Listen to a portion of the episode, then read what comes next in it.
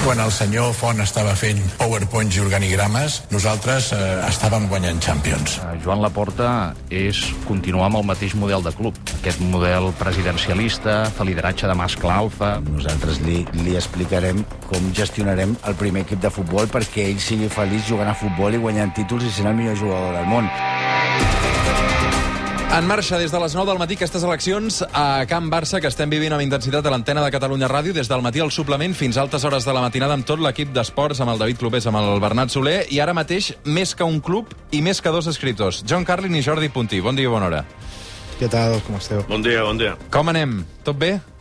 Sí, bueno, un placer verte aquí en carne y hueso, Roger. Sí, perquè cada dissabte el Johnny ens truquem, però no ens veiem tan sovint. Escolta'm, vosaltres que us dediqueu a escriure, si haguéssiu de, de fer un llibre ara mateix sobre el Barça, a 7 de març, a data d'avui, què seria? Una novel·la negra, un drama, uh, un thriller, uh, una novel·la d'aventures?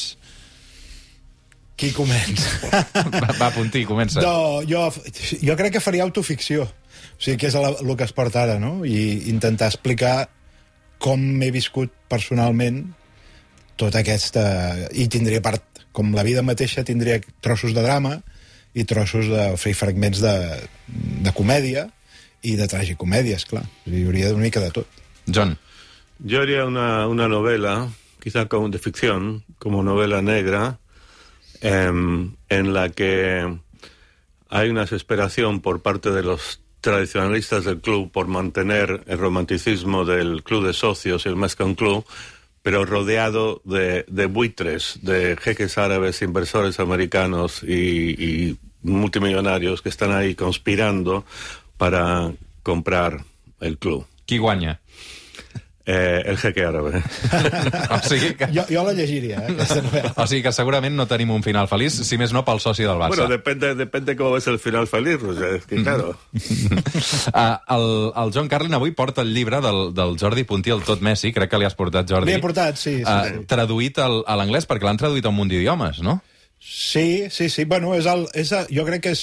Ara em sembla que estem amb 14, 12, 13 o 14 idiomes. És un, el reflex d'ell. No, no és el reflex del meu llibre, eh? és el reflex de, de qui és Messi perquè de mica en mica s'ha anat traduint a, a això, a molts llocs, però sobretot, per exemple, als Emirats Àrabs, a la Xina, al Japó, o sigui, llocs on en teoria no, no hauria d'arribar, doncs arriba amb, amb bastanta facilitat.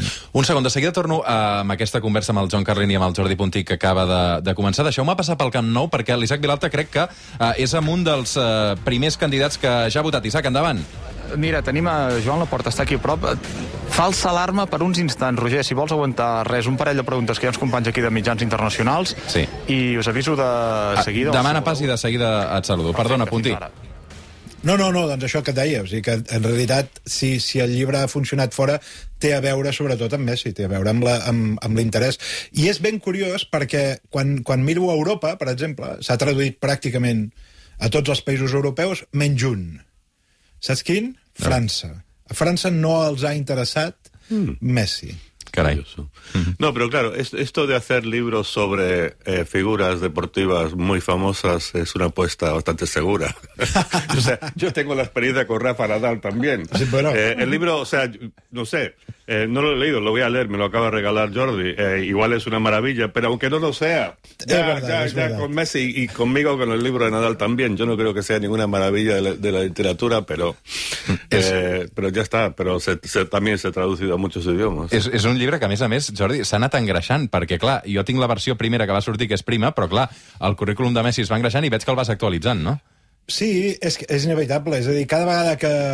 És que, per exemple, tota l'afer, tota la història que va passar aquest estiu, que si marxa, que si no marxa, a la primera versió que tu devies llegir, jo pronosticava que Messi es quedaria sempre al Barça. De fet, ni em vaig plantejar que marxaria un dia. Per mi era una cosa que era, diguem-ne, inherent al, al barcelonisme, no? Mm. I, per tant, ara, cada vegada que surt una traducció, ja tinc una versió nova on explico tot el culebron aquest de l'estiu i plantejo la possibilitat de que no se'n vagi encara, o de que se'n vagi, si se'n va, on anirà, no? I, i, i com m'ho faria i tot. Oye, pero, pero Jordi, no se puede hacer una nue- un nuevo libro cada semana. Es que cada semana hay noticias. ¿Cómo hace? es, es no, una és- carrera permanente. És, és, tienes, tens una, una carpeta que diu Messi al, al desktop mm. i la vas obrint de tant en tant i vas tocant, no? Mira, és la mateixa carpeta que es trobarà el president del Barça, John, que haurà de decidir o haurà de gestionar el futur de Messi, Sí. perquè més aviat Qatar segurament aca acabarà plegant.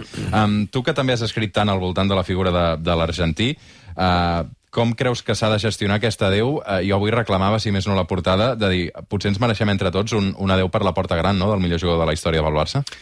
Sí, bueno, no sé, mira, es- siempre es muy fácil mirar para atrás y decir lo que se debería haber hecho. Eh, pero en este caso yo, yo pensaba en el verano que, mm, que deberían haber dejado a, Messi irse y hacerlo con un máximo de elegancia y, y bueno, ce- celebrar todo, invitarle un año después, a, hubiera ido donde se hubiera ido. Joan Laporta, des del Camp Nou, de seguida amb el, amb el Joan Carlin, l'Isaac Vilalta i el punt, no, Isaac?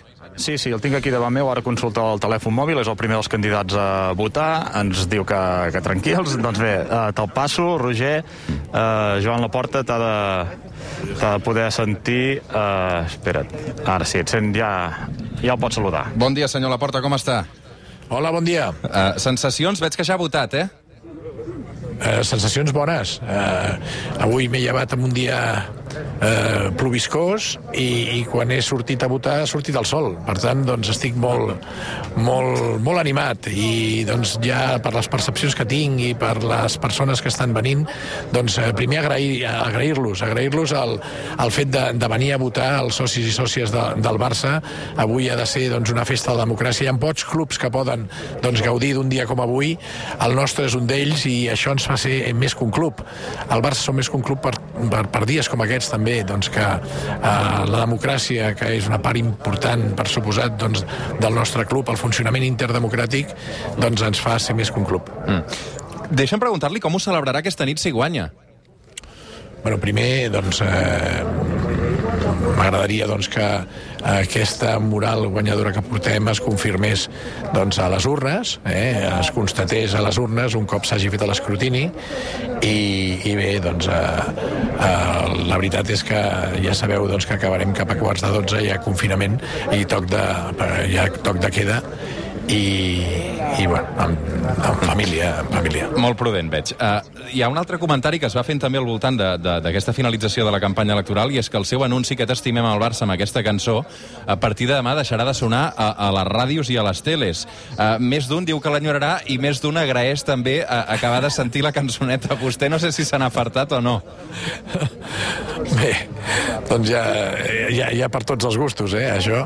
Sí que és cert doncs, que jo el que espero és que els socis i sòcies que vinguin avui doncs, eh, en fi, votin, votin perquè estimen el Barça eh, i aleshores doncs, també doncs, eh, s'animin a, com m'han dit molts socis i sòcies quan he tingut l'oportunitat de parlar amb ells mentre anava a votar, doncs que, que en fi, que, que votin per nosaltres, no?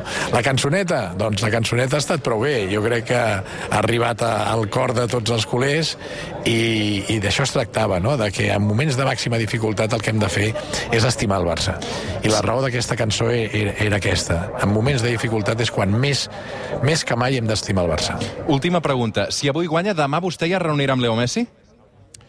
Si avui guanyo, eh, primer el que faré serà doncs, agrair a tots els companys de candidatura, l'equip de campanya, als voluntaris que ens han ajudat, doncs, que m'he sentit molt acompanyat i que m'ho han fet tot molt bé. Tinc la sensació d'haver fet molt bona feina. I després, el, el, el que sí que doncs, eh, hauré d'esperar a la presa de possessió, eh, perquè això doncs, és un requisit indispensable també per poder doncs, prendre comandament del club i, i després, evidentment, doncs, eh, una de les prioritats que tinc és parlar amb, amb Leo Messi per tal de que continuï de continuar el club. Joan Laporta, moltes gràcies també per atendre'ns aquest matí en directe al suplement. Sort aquesta nit. Molt bé, moltíssimes gràcies. Adéu-siau. 3 minuts per arribar a 3 quarts de 11 del matí. L'Isaac Vilalta que ens ha facilitat també amb aquesta connexió amb el primer candidat que ha votat. Ara qui està votant és uh, Toni Freixa. No sé si tinc encara uh, l'Isaac a punt o, o m'està sentint perquè uh, Toni Freixa també és a punt de dipositar aquest vot. Recordem que ho han fet uh, doncs per sorteig perquè les mesures uh, Covid així uh, ho estipulaven. En qualsevol cas, uh, l'Isaac Vilalta que està seguint des de l'interior del Camp Nou aquesta votació, ara del candidat Toni Freixa. Isaac. Sí, sí, uh, Toni Freixa. Mira, en línies generals diria que No sé, això es fa difícil de valorar, però diria que amb menys expectació mediàtica que la Caixa que la porta. És cert que s'ha trobat amb aquella imatge amb una sòcia acompanyada per membres de la Creu Roja i Toni Freixa més, sobri en aquest sentit. Eh? Ara també mirant els fotògrafs, eh, aguantant la butlleta amb les dues mans, ha entregat el DNI i esperant que li permetin eh, introduir la butlleta, imaginem que amb, amb el seu propi vot a, a l'urna. Fantàstic, Isaac. Doncs eh, continua demanant pas perquè faltarà per votar també el Víctor Font. Ho seguirem en directe d'aquí eh, una estona i també saludarem, evidentment, tant Toni Freixa com, com Víctor Font al llarg d'aquestes properes hores. Eh, gràcies, Isaac. Fins ara. Fins ara. Dos minuts per arribar a tres quarts d'onze del matí amb el Joan Carlin, amb el Jordi Puntí a l'estudi de Catalunya Ràdio, seguint aquesta jornada. Eh, perdona el Joan que, que l'he tallat abans eh, per saludar el, el, el Jan Laporta. El Joan Carlin que parlava de Messi, també li preguntava a Jan Laporta si demà s'hi reuniria. Eh, segurament encara no. Eh, en qualsevol cas, la carpeta d'aquest nou president serà gestionar l'adeu al comiat de l'astre argentí, no? Sí, bueno, como estaba diciendo, eh, yo creo que lo mejor hubiera sido que Messi se hubiese ido en el verano, se hubiera ahorrado un montón de dinero, en un momento en el que dinero es quizá lo más crítico en el Barça. Y, y, quizá hubiera sido lo mejor para él. Pero bueno, al final es su decisión personal. Mi opinión es que si para él lo más, más, más, más importante es sacar el máximo rendimiento de su enorme talento en los años que le quedan, eh, que se vaya al City con Guardiola. Pero eh, si él, eh, para él, por ejemplo, más importante es su lealtad al club, que es muy admirable. Si le gusta a la gente joven que está saliendo y ve un proyecto de a mediano plazo, eh, ante todo, si su familia no quiere irse de aquí, pues eh, muy respetable. Mm. Això t'anava a dir, no? Aquests brots verds que, que es veuen a l'equip, eh, últimament, el partit d'ahir l'Ossassuna, l'altre dia contra el Granada, aquestes noves fornades també eh, potser serveixen perquè Messi es convenci, no, Jordi? Sí, és, és, jo crec que, a més a més, és, el, és, una, és una decisió i una situació que va canviant. O sigui, no és, ara ja no és el mateix que el juliol i probablement a final de temporada tampoc serà el mateix que ara. Eh, el jugador va canviant, el jugador es va fent gran. Eh, la manera de jugar continua sent, per descomptat, indispensable, continua sent el millor de l'equip, però penso que la, la, la mirada sobre, sobre tot el que l'envolta pot canviar. Per exemple, això que dius dels brots verds. Una cosa important és decidir eh, que decideixi si vol ser un mentor.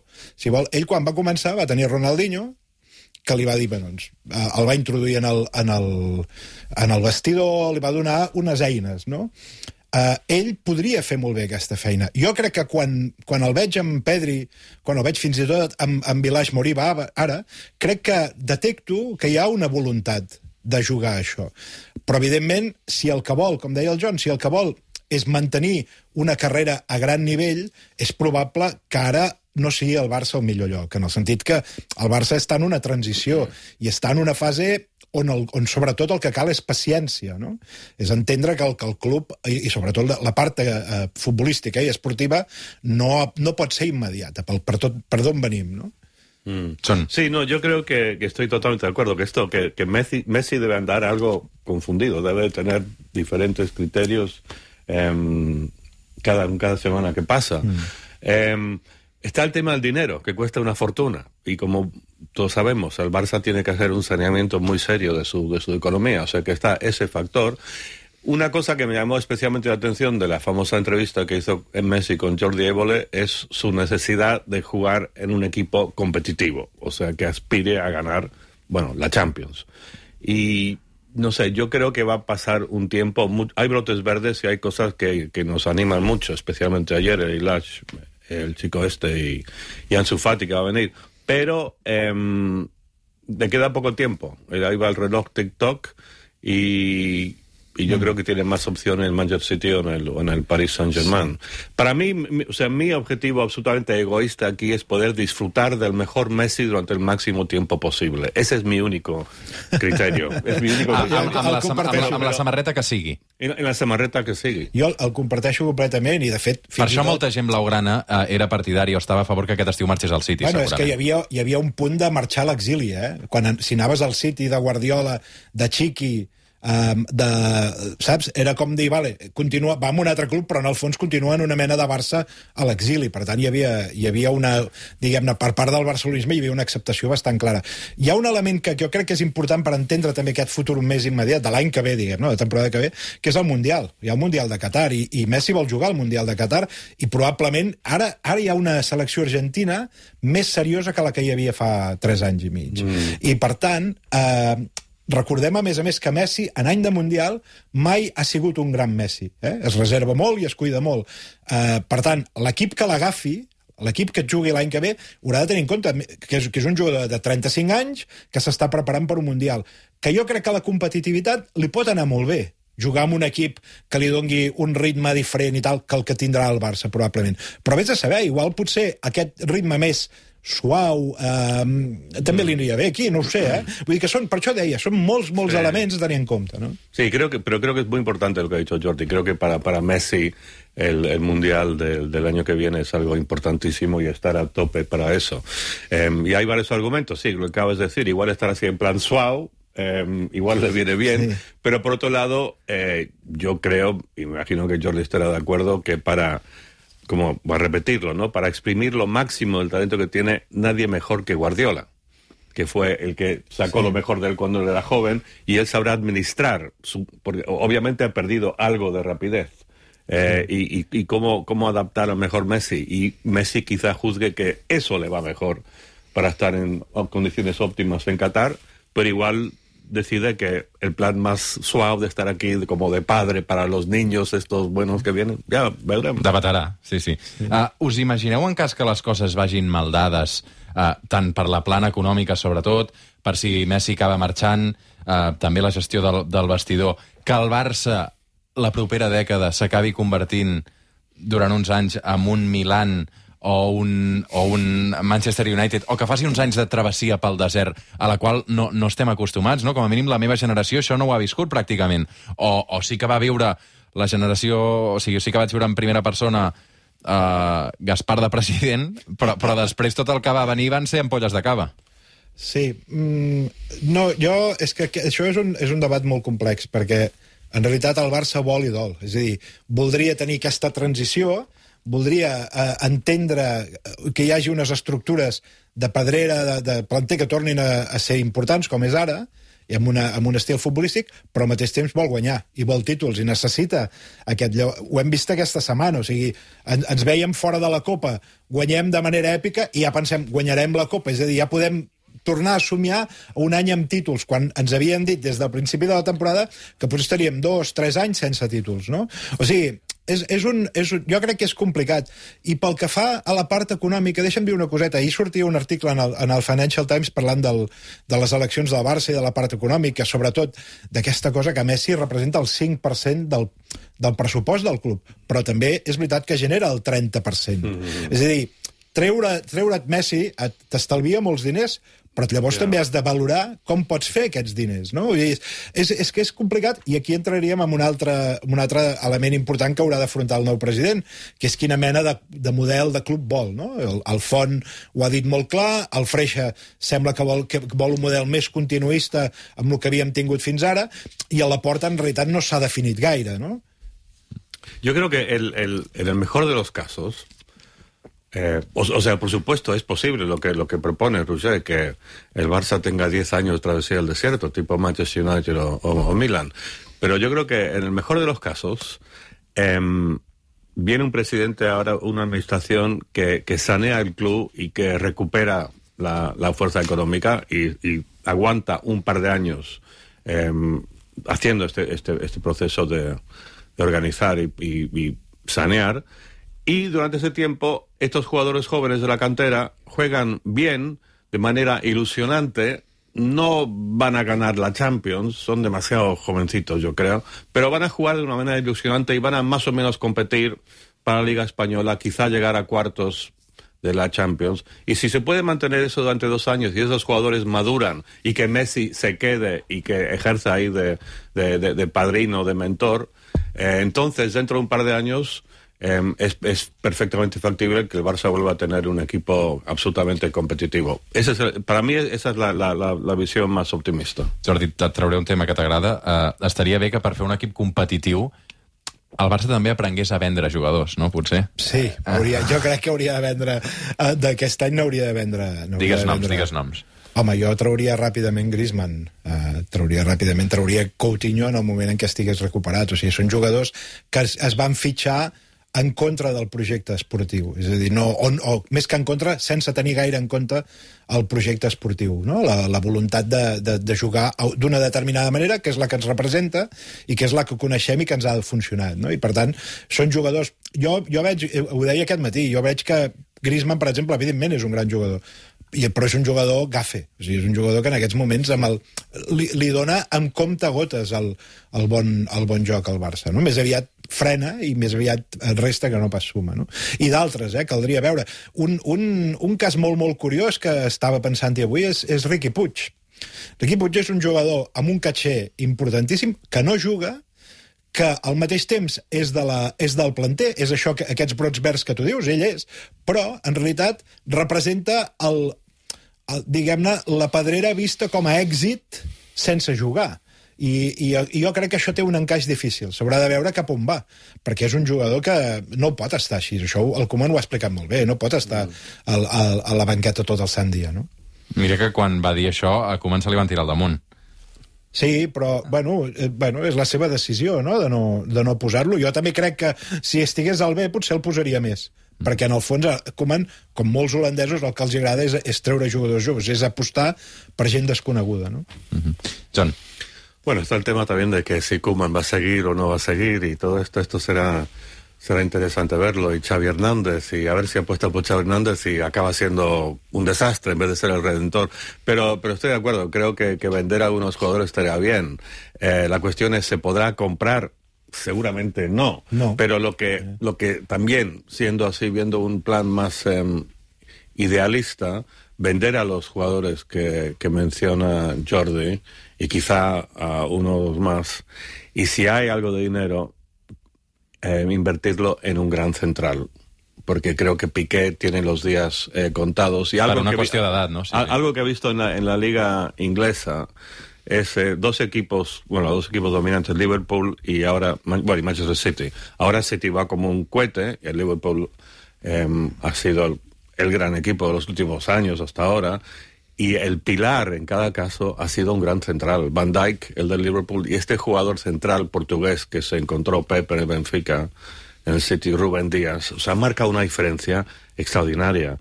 Y, y si Piqué se va, que puede ser que se vaya, está, está mayor, está lesionado, te necesitas a alguien. No puede ser eh, la inglés el pilar de tu, de tu equipo. El, el John apuntava una cosa, i és que sembla que la propera dècada, en algun moment o altre, Xavi ocuparà la banqueta blaugrana, independentment de qui guanyi avui aquestes eleccions.